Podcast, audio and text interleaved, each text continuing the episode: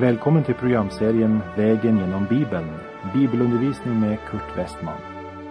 Vi har nu kommit till marschen mot Sinai, det vill säga andlig utbildning, kapitel 15 till och med 18 i Andra Mosebok. Programmet är producerat av Norea Radio.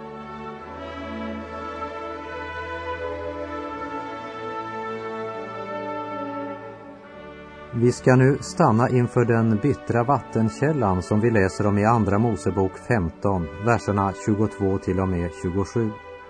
I det förra programmet upplevde vi hur Israels barn klagade och beskyllde både Gud och Mose för att ha fört dem ut från Egypten för att låta dem dö i öknen.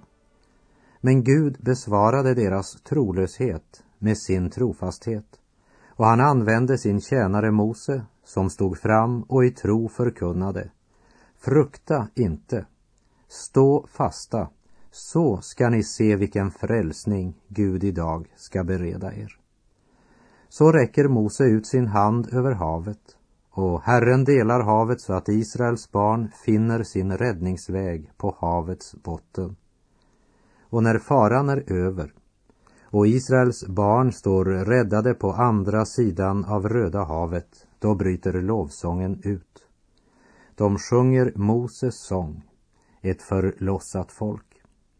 Och vi la märke speciellt till sångens innehåll. Den fokuserade totalt på Gud, vad Gud har gjort. I vår tid fokuseras det väl kanske mer på själva sången. Men så ser vi alltså att efter erfarenheterna vid Röda havet, där Gud genom sin mäktiga hand lät Israels barn få uppleva att gå på torr mark på havets botten. Men när faraos här försökte följa i Israels barns spår så lät Herren havets vatten vända tillbaka och komma över farao och hela hans här. Efter dessa rika erfarenheter av Guds nåd och makt kan väl ingenting få dem att mista modet. De har lärt sig att det är inte de yttre omständigheterna som avgör saken, men allt avgörs av honom som är Herre över varje omständighet. I himlen är det aldrig kaos, endast planer. Allt detta var viktig lärdom att ha med sig på den vidare vandringen. För deras väg till Kanan, den gick genom öknen. Och därmed så låg många prövningar framför dem, liksom det gjorde i ditt liv. För även den som upplevt syndernas förlåtelse och frälsningens under i sitt liv och som av hjärtat sjungit så som Israels barn i vers 18 Herren är konung alltid och evinnerligen. Även för den visade det sig att livsvandringen så visst inte blev bara glädje och lycka. Det blev inte bara härlig lovsång. Men om du i livets prövningar och svårigheter förblivit hos Gud så har du förhoppningsvis lärt dig något under den långa vandringen som du inte kunde då du så jublande startade vandringen. Nämligen tacka Gud för svårigheterna. Först sjöng Mose och Israels barn sin lovsång. Därefter sjöng Miriam sin lovsång där alla kvinnor förenar sig med henne. Och vi läser i verserna 22 till 24. Därefter lät Mose israeliterna bryta upp från Röda havet och det drog ut i öknen Sur och tre dagar vandrade de i öknen utan att finna vatten. Så kom de till Mara, men de kunde inte dricka vattnet i Mara, ty det var bittert. Därför fick stället namnet Mara. Då knotade folket mot Mose och sade, vad skall vi dricka? Efter varje större andlig upplevelse eller erfarenhet blir själen förd ut i öknens anfäktelse. Och vår käre frälsare, Jesus Kristus, är ett exempel på det. I Matteusevangeliets tredje kapitel, i verserna 13 till 17, Där berättas om hur Jesus kommer till Johannes döparen vid Jordanfloden och blir döpt av honom. Och när Jesus steg upp ur vattnet, ja då öppnades himmelen och han såg Guds ande sänka sig ner som en duva och komma över honom. Och en röst från himmelen sade, detta är min son, den älskade. I honom har jag min glädje. Vilket fantastiskt ögonblick. Vilken upplevelse genom både syn och hörsel. Vilken höjdpunkt i det andliga livet. Just därför är det viktigt att vi lägger märke till vad som sker direkt efter detta. Jo, Matteusevangeliets fjärde kapitel säger Sedan blev Jesus av anden förd ut i öknen för att frestas av djävulen. När han hade fastat i 40 dagar och 40 nätter blev han hungrig. Då kom frestaren till honom och sade Är du Guds son, så säg att dessa stenar skall bli bröd. Det är som om djävulen skulle säga till Jesus Se hur du nu har det, ensam i ökenhettan, utan mat. Du har varit utan mat länge och öknens hetta tar snart knäcken på dig. Bara lägg märke till hur du har det. Tror du att du skulle ha det så här om du verkligen var Guds son? Kungabarn? Jo, jag tackar jag. Läs gärna hela sammanhanget i Matteus kapitel 4 och lägg märke till att Jesus hela tiden svarar djävulen med ett citat från Guds ord. Varför? Jo, därför att Jesus vet att det som avgör om jag är ett Guds barn, det är inte de yttre omständigheter jag just nu befinner mig i. Men det som avgör saken, det är vad säger Gud? Vad har Gud talat och sagt? Vad säger Guds ord?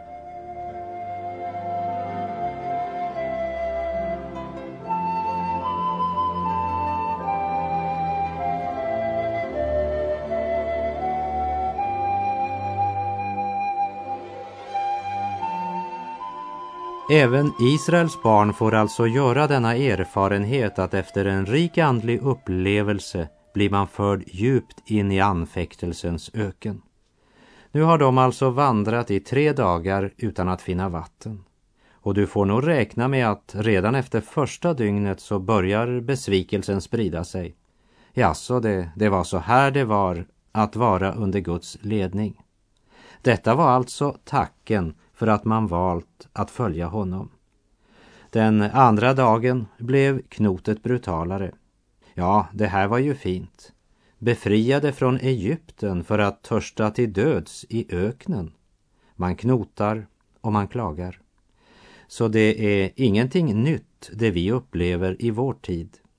För än idag finns det många som bekänner sig till Jesus men som fortfarande inte förstår mera av förhållandet mellan den helige Gud och den förlorade syndaren som blivit frälst genom Guds nåd och som är så besvikna och klagar när Gud inte uppfyller deras önskningar. Israels barn vandrade tre dagar utan att finna vatten. Då knotade folket mot Mose, står det. Och vi kan ju fråga oss, var har det nu blivit av all den jublande, trosvissa lovsången som var så väldig för bara tre dagar sedan? Det är viktigt för oss alla att vandra vägen som går via Mara, den bittra källan. För det är vid detta bittra vatten som det avslöjas vad som bor i människans hjärta. När det gäller Israels barns vandring genom öknen så säger Gud i Första Korinthierbrevets tionde kapitel, vers 11. Allt detta som hände med dem hade en förebildande betydelse och blev nedtecknat i skriften till varning för oss som lever i de yttersta tiderna. Gud använder dessa händelser för att lära oss en mycket viktig sanning.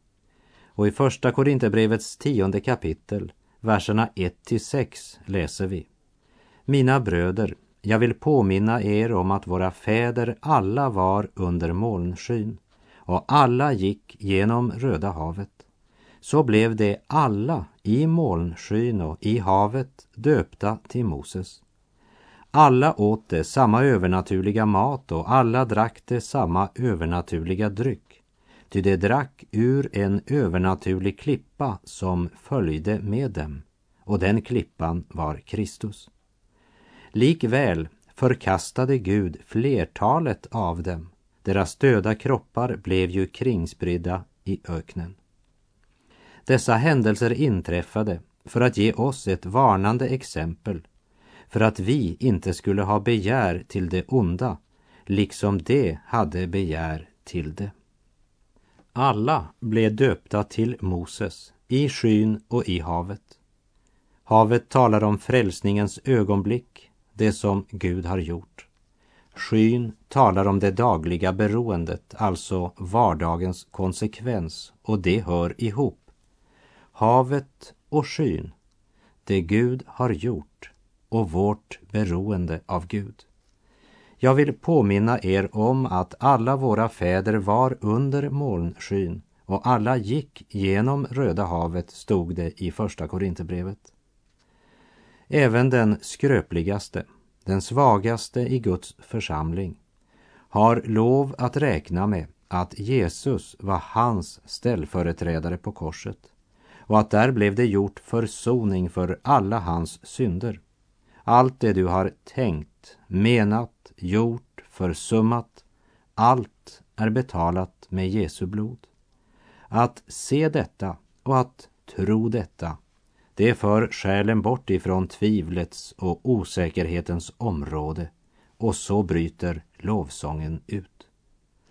Jag vet att det nog finns människor som menar att sann kristen ödmjukhet består i att alltid känna sig tvivlande och osäker och som därför inte kan sjunga något annat än sådana salmer och sånger som beskriver just det förhållandet. Och jag tvivlar inte alls på att de är ärliga och uppriktiga i sin fromhet. Men de har aldrig fått uppleva och erfara vad det vill säga att lovprisa och tillbedja Gud. Vi kan säga att eh, de har ännu inte gått genom havet. Det hav som endast öppnas för den som inte längre kan hjälpa sig själv. Man har inte intagit sin plats på den andra sidan havet, där det för våra ögon uppenbaras att vår dödsfiende är besegrad och att det är Gud som har gjort det. Det är gott att sjunga lovsång till Gud när man står på Röda havets andra strand och ser att Herren har besegrat fienden. Ja, det är gott att uppleva Guds under i våra liv. Men det är vid Mara, vid livets bittra källor, vi får veta vem vi själva verkligen är. Och det är först när vi börjar göra våra erfarenheter på ökenvandringen som vi förstår hur lite vi egentligen känner Gud och hur lite vi känner oss själva. Och det är vad du gör och tänker när du är helt ensam och ingen ser dig som visar din karaktär. Det är när ingen ser dig du själv kan se vem du är.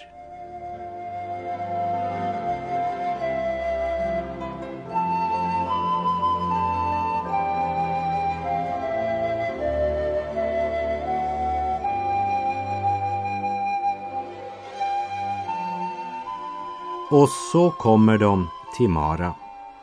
Men de kan inte dricka vattnet i Mara för det var bittert. Och den som vill vara en Jesu lärjunge måste mer än en gång i livets olika situationer räkna med att måste dricka sådant som är bittert för vår mänskliga natur. I Guds skola kan man inte undgå lidande och prövningar om man verkligen personligen vill lära känna Gud. I Petrus första brev, kapitel 1, verserna 5 till och med 7 är det uttryckt så här. Eftersom ni tror på Gud blir ni genom hans makt bevarade så att ni ska få den frälsning som ligger färdig för er och som ska avslöjas vid tidens slut. Därför är ni fyllda med jublande glädje, även om ni nu en kort tid, i det fall där det är nödvändigt, får utstå lidanden under många olika slags prövningar. Det måste ske för att äktheten av er tro ska prövas. Den är långt dyrbarare än guldet, som visserligen är förgängligt men ändå består eldprovet. Er tro måste prövas för att det ska visa sig att den är värd lov, pris och ära när Jesus Kristus träder fram i sin härlighet. Därför är ni fyllda med jublande glädje, även om ni nu en kort tid får utstå lidanden. Kom ihåg det här, kära vän, att det är bättre att vandra genom prövningar och lidanden tillsammans med Gud än att vandra på de lättaste vägar utan honom. Att till varje pris försöka slippa lidande och komma undan nöden, det kan förhindra nådens verk i vårt hjärta. Du kan nog efter eget behag flytta visarna på klockan, men därmed förändrar du inte tiden. Skulle inte Israels barn i den här situationen haft tro och tillit till den Gud som fört dem ut ur Egyptens land? Och skulle de inte haft undret vid Röda havet i färskt minne? Men än en gång knotar och klagar Israels barn mot Mose. Israels barn är alltså besvikna därför att de inte kan finna vatten. De törstar men ser ingen utväg att få sin törst släckt. Det känns så hopplöst. Och här måste vi nog också ta med i beräkningen att besvikelsen egentligen blev dubbel. Just på grund av att de fann vatten. Tre dagars besvikelse och förtvivlan hann och bli vänt till hopp och förväntan när man på avstånd skymtar en vattenkälla.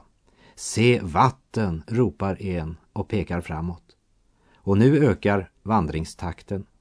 Redan innan man hinner fram till källan så fantiserar man om hur härligt det snart ska bli. När vi bara får komma fram till denna källa, då. Man pratar i munnen på varann. Man uppglöder varandra. Tänk, bara några steg och så är vi där. Bara kämpa lite, lite grann till. Så ska det bli så gott. Detta blir min räddning. Det är det här vi har väntat på. Äntligen. Kan du inte för ditt inre se hur folket som varit utan vatten i tre dagar formligen kastar sig över vattenkällan vid Mara? Säkra på att här ska törsten äntligen bli släckt. Knot och klagan var borta, lika hastigt som det kom. Hjärtats vindflöjel skiftar med vinden och nu är det bra. Men eh, den glädje och trygghet som har sin förutsättning i livets yttre förhållanden, den blir ofta kortvarig. Och så var även tillfället här. När eh, källan som de skyndat på för att hinna fram till visar sig vara bitter. Vilken besvikelse! Och det är på samma sätt i vårt liv. Besvikelsen blev dubbel. När svårigheterna, prövningarna mötte oss, just där som vi hade väntat finna hjälp och tillfredsställelse. Och så möter man istället Mara, denna bittra källa.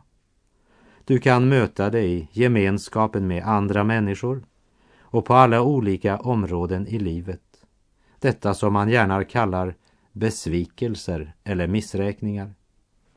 Någon fick möta det när han kom på jobbet och plötsligt fick höra att det skulle bli stora permitteringar och han eller hon var bland dem som skulle gå. I kampen för livets uppehälle så kom man till ett Mara. Och vi möter det på familjelivets område där många väntade att finna den friska och söta vattenkällan men istället fick smaka den bittra och många fick uppleva sitt Mara på bönens område. Själar som i sin nöd ropade till Gud i både visshet och förtröstan om att bli bönhörda i en bestämd situation. Men som tyckte sig få stenar istället för bröd. Fråga honom eller henne var Mara ligger. De vet det. Precis som för Israels barn så blev det ofta för ett Guds barn på livets vandring. Man har kommit igenom krisen vid Röda havet, stämmer upp lovsång på Röda havets andra strand och menar att nu är man färdig med svårigheterna. I alla fall för en ganska lång tid. Och i nästa ögonblick befinner man sig uttorkad i öknens sur. Och när man äntligen finner vatten och i sin desperata törst med glädje kastar sig över källan upptäcker man vattnet var bittert. Och det är ju inte bara Guds barn som upplever bittra källor i livet. Men det är endast den som är hos Gud som får uppleva att den bittra källan förvandlas. Och vi läser vers 25. Men Mose ropade till Herren och Herren visade honom ett visst slags trä som han kastade i vattnet och så blev vattnet sött. Där förelade han folket lag och rätt och där satte han dem på prov. Världen, den gör allt den kan för att slippa svårigheter. Och till en viss del kan den som lever i världen fly undan de bittra källorna i livet. Men Guds barn, de får uppleva förvandlingens under. Bibeln lär oss att det handlar inte om att finna flyktvägar för att kunna undgå Mara. Men det handlar om att mer och mer lära känna honom som har makt att förvandla. Alltså att inte låta de yttre omständigheterna styra vårt handlande. Att inte stirra oss blinda på den till synes hopplösa situationen. Men fästa vår blick på honom som är Herre över varje situation. Ordet, anden och tron vill lära oss att ingenting som möter oss i livet är så bittert att inte Gud i sin nåd och i sin kraft kan göra det sött. Och här ska vi lägga märke till följande detaljer. Det första, Mose ropade till Herren, alltså han vänder sig till Gud i sin nöd. Och för det andra, Herren visade honom. Det vill säga, Moses går inte till handling förrän Gud har givit honom sitt svar. Och det är Gud som avgör vilket medel Moses ska använda. Och det tredje, ett visst slags trä, det vill säga, det är något som Gud har skapat, alltså något som Gud har gjort, ska förvandlingen bygga på. Och så det fjärde, men det är Mose hand som ska kasta träbiten i vattnet. Det vill säga, Gud talar och människan handlar. Och det femte, när människan handlar som Gud talat, då sker det något. Det är väldigt bra att tro på Gud och tro det han säger. Men att vi håller Guds ord för att vara sant, det är inte nog. Frågan är, när Gud har talat, vilken konsekvens får det för mina handlingar i vardagen just nu? För om Mose hade sagt att han trodde på allt Guds ord och även börjat undervisa Israels barn för att lära dem att det som Gud talar, det är sanning, så hade inte vattnet blivit förvandlat genom det. Mose är en bönens man och en handlingens man. Och ordningen är viktig att lägga märke till. Inte handla först och be sedan, men först vända sig till Gud med nöden. Hör detta, kära vän som håller på att förgås vid den bittra källan. Just nu vill Gud visa dig ett trästycke, eller rättare sagt två trästycken som är lagda om varandra så att de bildar ett kors. Det finns inget annat än Jesu kors som kan förvandla din situation. Och vet att det är han som hängde på korset som förvandlar. Han är uppstånden och lever. Till och med döden har han besegrat. Öppna ditt hjärta för evangeliet om Jesus Kristus. Vid den bittra källan Mara sätter Gud folket på prov och hör vad han förkunnar dem efter att vattnet blivit förvandlat. Vi läser i vers 26. Han sade, om du hör Herren din Guds röst och gör vad som är rätt i hans ögon och lyssnar till hans bud och håller alla hans stadgar så ska jag inte lägga på dig någon av de sjukdomar som jag lade på egyptierna, ty jag är Herren, din läkare.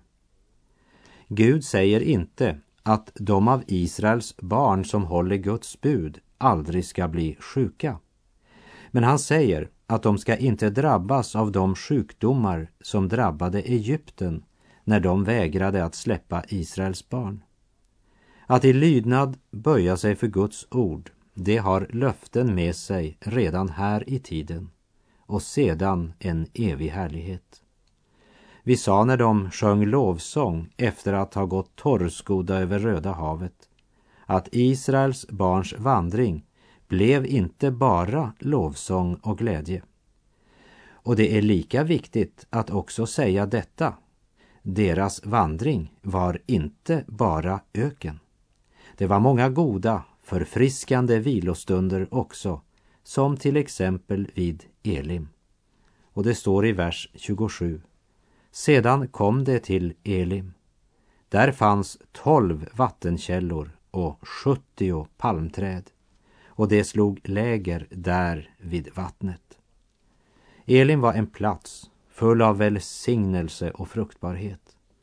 Efter den bittra källan i Mara för Gud dem till Elim. Och också idag är det ett Mara på pilgrimens väg, lika så säkert som det är ett Elim.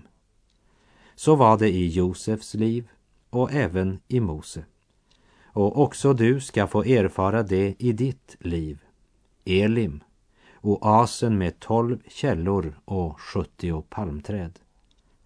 Ja, här en källa rinner, säll den henne finner.